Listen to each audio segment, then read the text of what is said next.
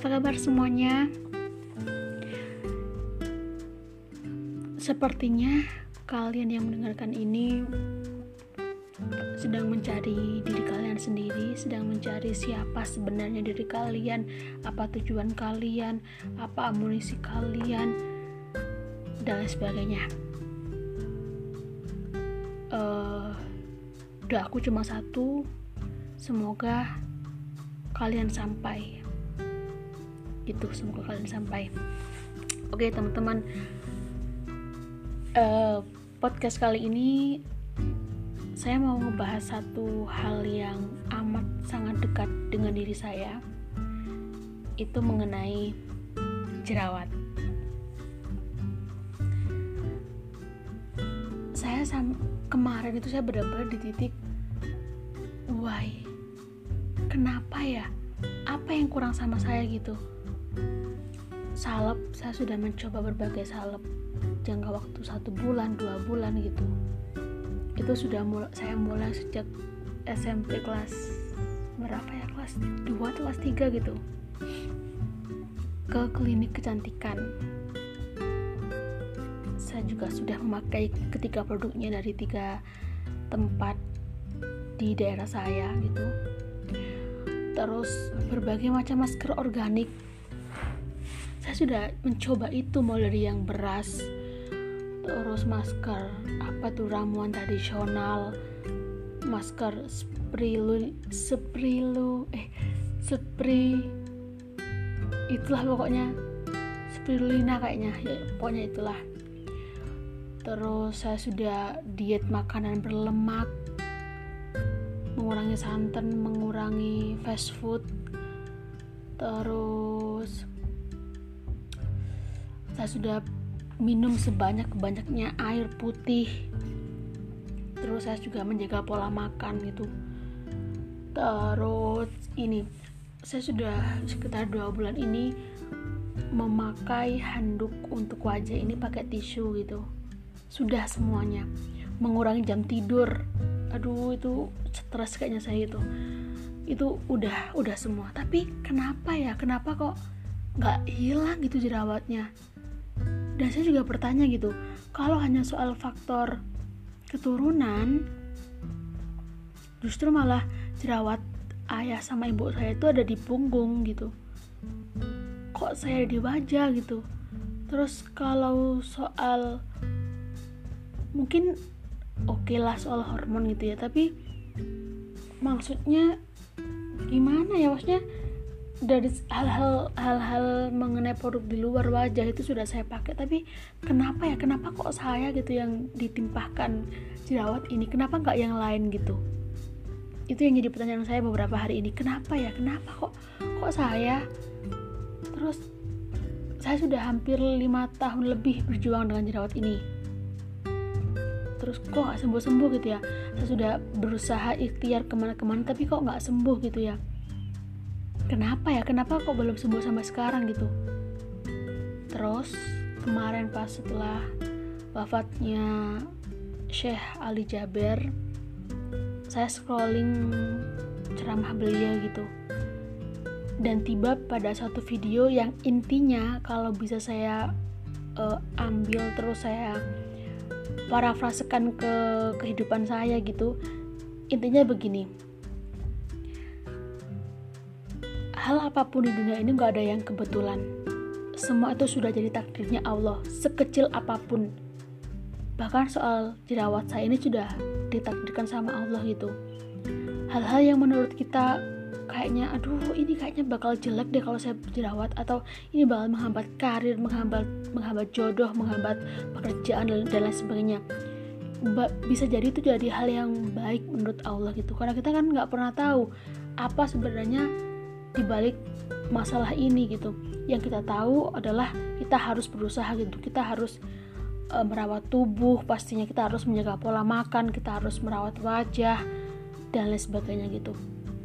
Terus beliau itu juga bilang barangkali gitu karena jerawat ini Allah menyelamatkan saya gitu dari dosa-dosa saya gitu. Bisa jadi juga saya mikirnya gini mungkin anda ya mungkin kalau semisal saya udah tiba-tiba saya nggak berjerawat saya mulus saya putih saya cantik tiba-tiba saya tergoda untuk berpacaran sampai melakukan hal yang yang dilarang oleh agama gitu. Atau saya sampai membuka aurat gitu. Atau apa pun yang yang sekiranya itu menimbulkan dosa gitu. Terus saya lagi saya jadi mikir lagi ternyata mungkin emang jerawat ini tuh untuk melindungi saya gitu. Karena apa? Saya ngerasakan sendiri kok. Jerawat saya udah kering aja. Saya udah bukan sombong sih tapi bangganya minta ampun kayak ih ampun aku cantik ya ternyata kalau nggak nggak jerawat gitu.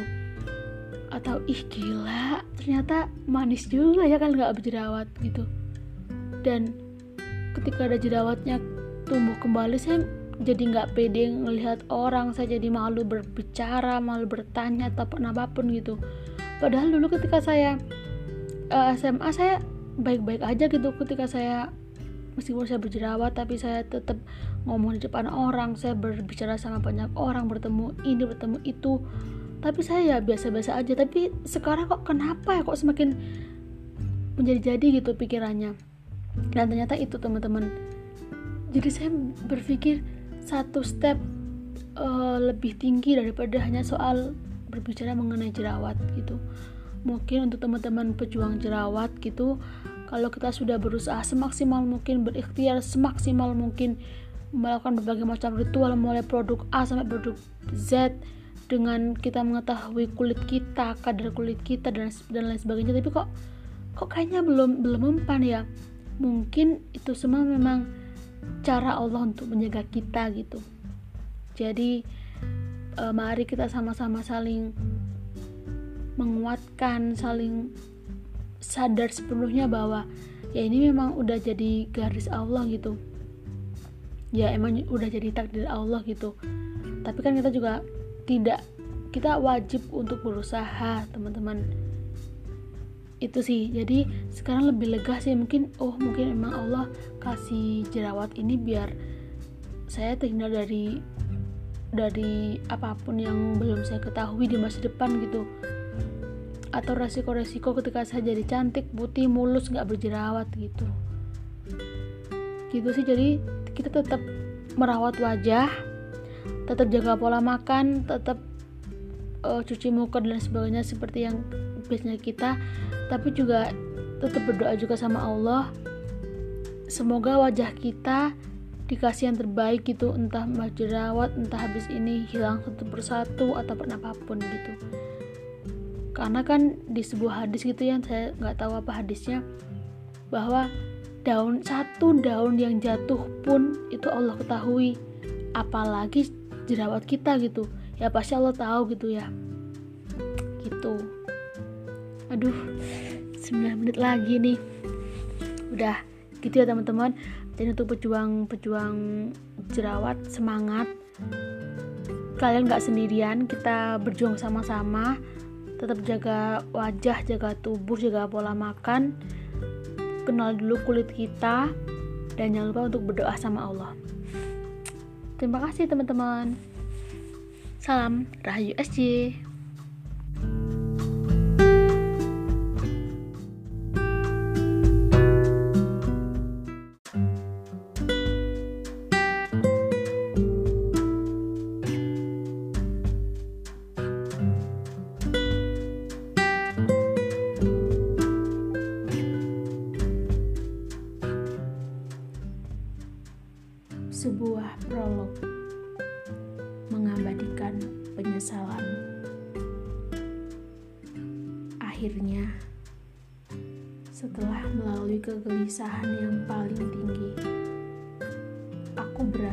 menuliskan kalimat-kalimat ini. Sudah sejak sebulan lalu aku menulis prolog untuk cerita ini. Berkali-kali. Tapi Berkali-kali pula aku hapus. Berkali-kali memantapkan hati untuk menuliskan cerita ini. Dengan harapan bisa dibaca banyak orang, menyadarkan banyak jiwa. membendung penyesalan di tubuh orang lain agar tak merasakan apa yang aku rasakan sekarang ini. Tapi sia-sia. Tulisanku tak pernah benar, tak pernah selesai. Aku sampai bingung ingin mengawali cerita ini dari mana.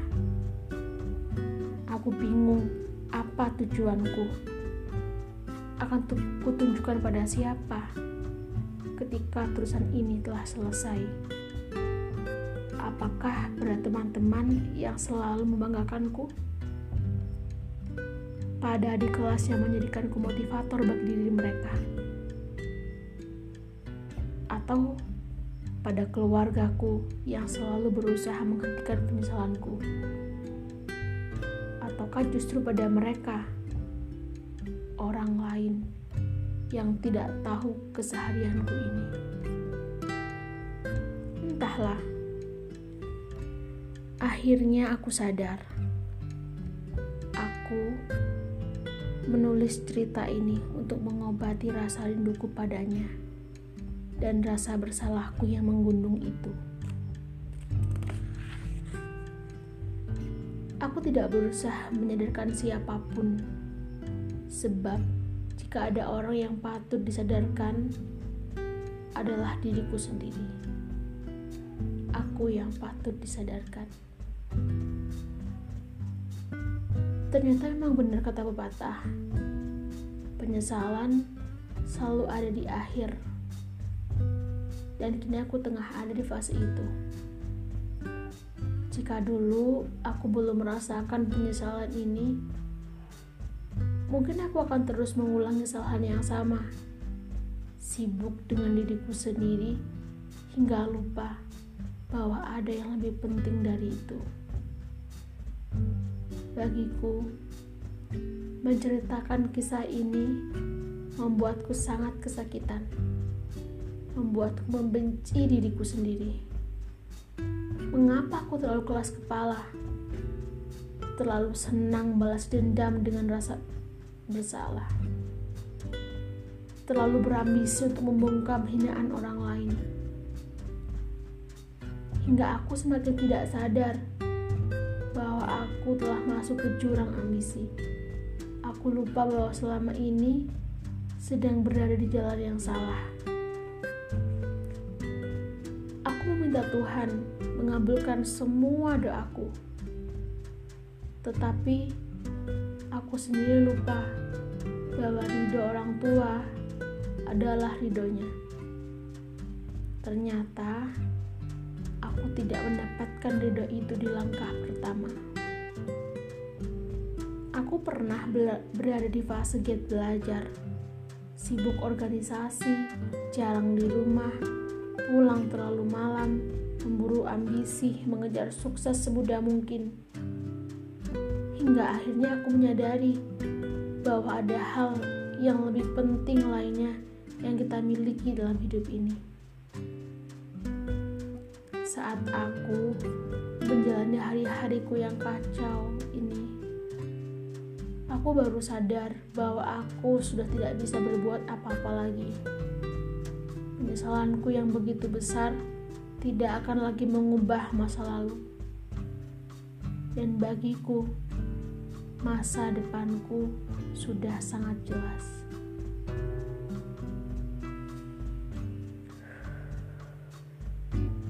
Biarlah aku menulis cerita ini untuk diriku sendiri. Setidaknya sebagai pengingat bahwa doa dan harapan harus terus disampaikan kepadanya. Lekat dalam kenangan lalu. Rahayu SJ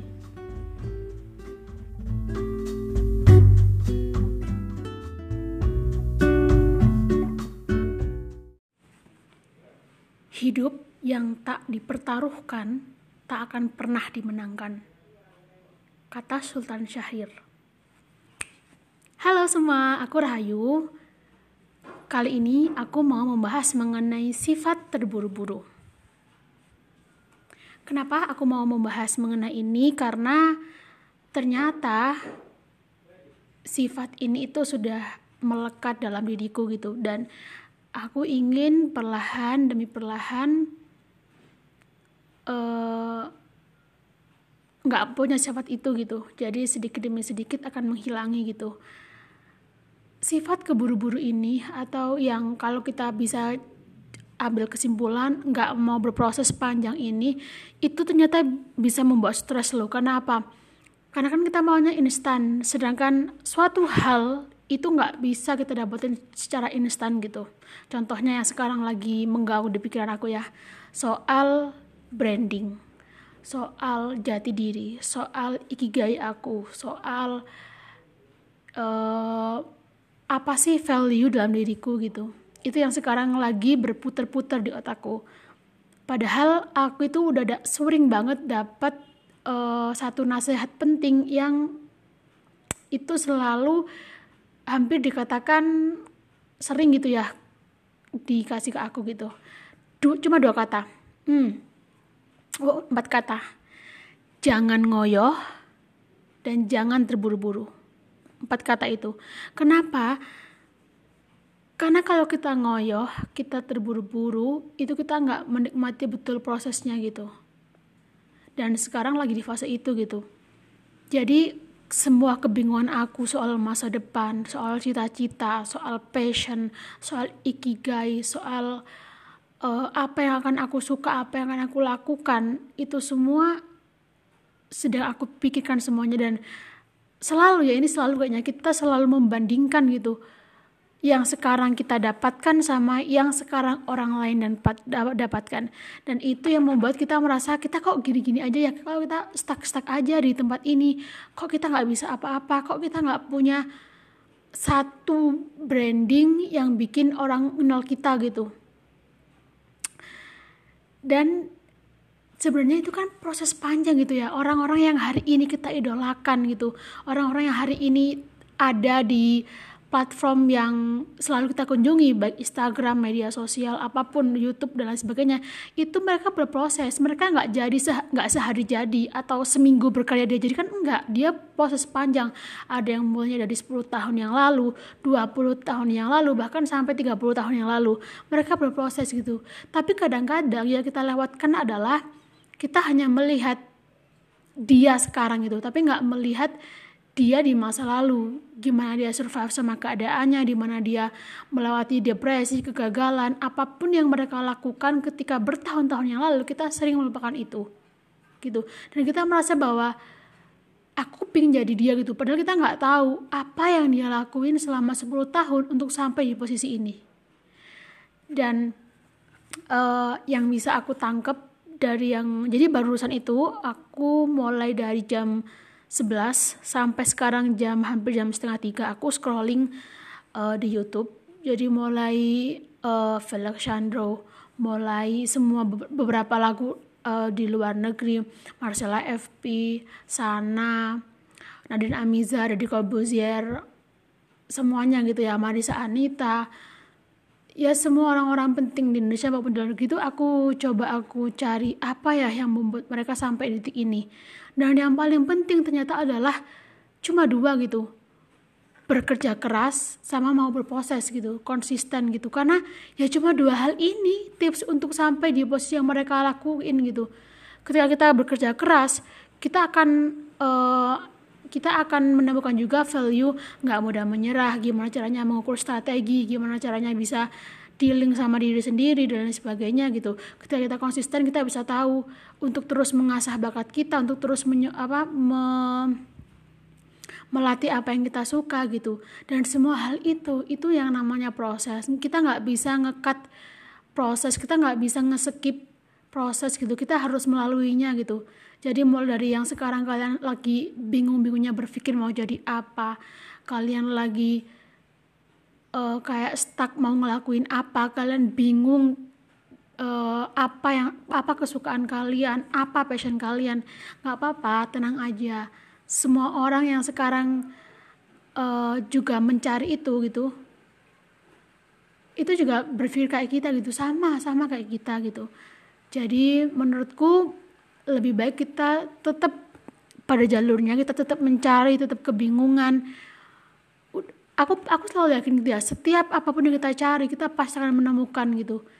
Jadi jangan pernah berhenti berproses jangan pernah berhenti untuk mencari dan jangan men-skip setiap anak tangga untuk kita sampai ke tujuan kita gitu. Karena kalau nggak ada anak tangga kita nggak mungkin bisa langsung ada di level 10 gitu. Jadi harus benar-benar dinikmati setiap anak tangga setiap pelajaran setiap orang gitu. Jangan ngoyoh dan jangan terburu-buru. Sekian aku Rahayu SC salam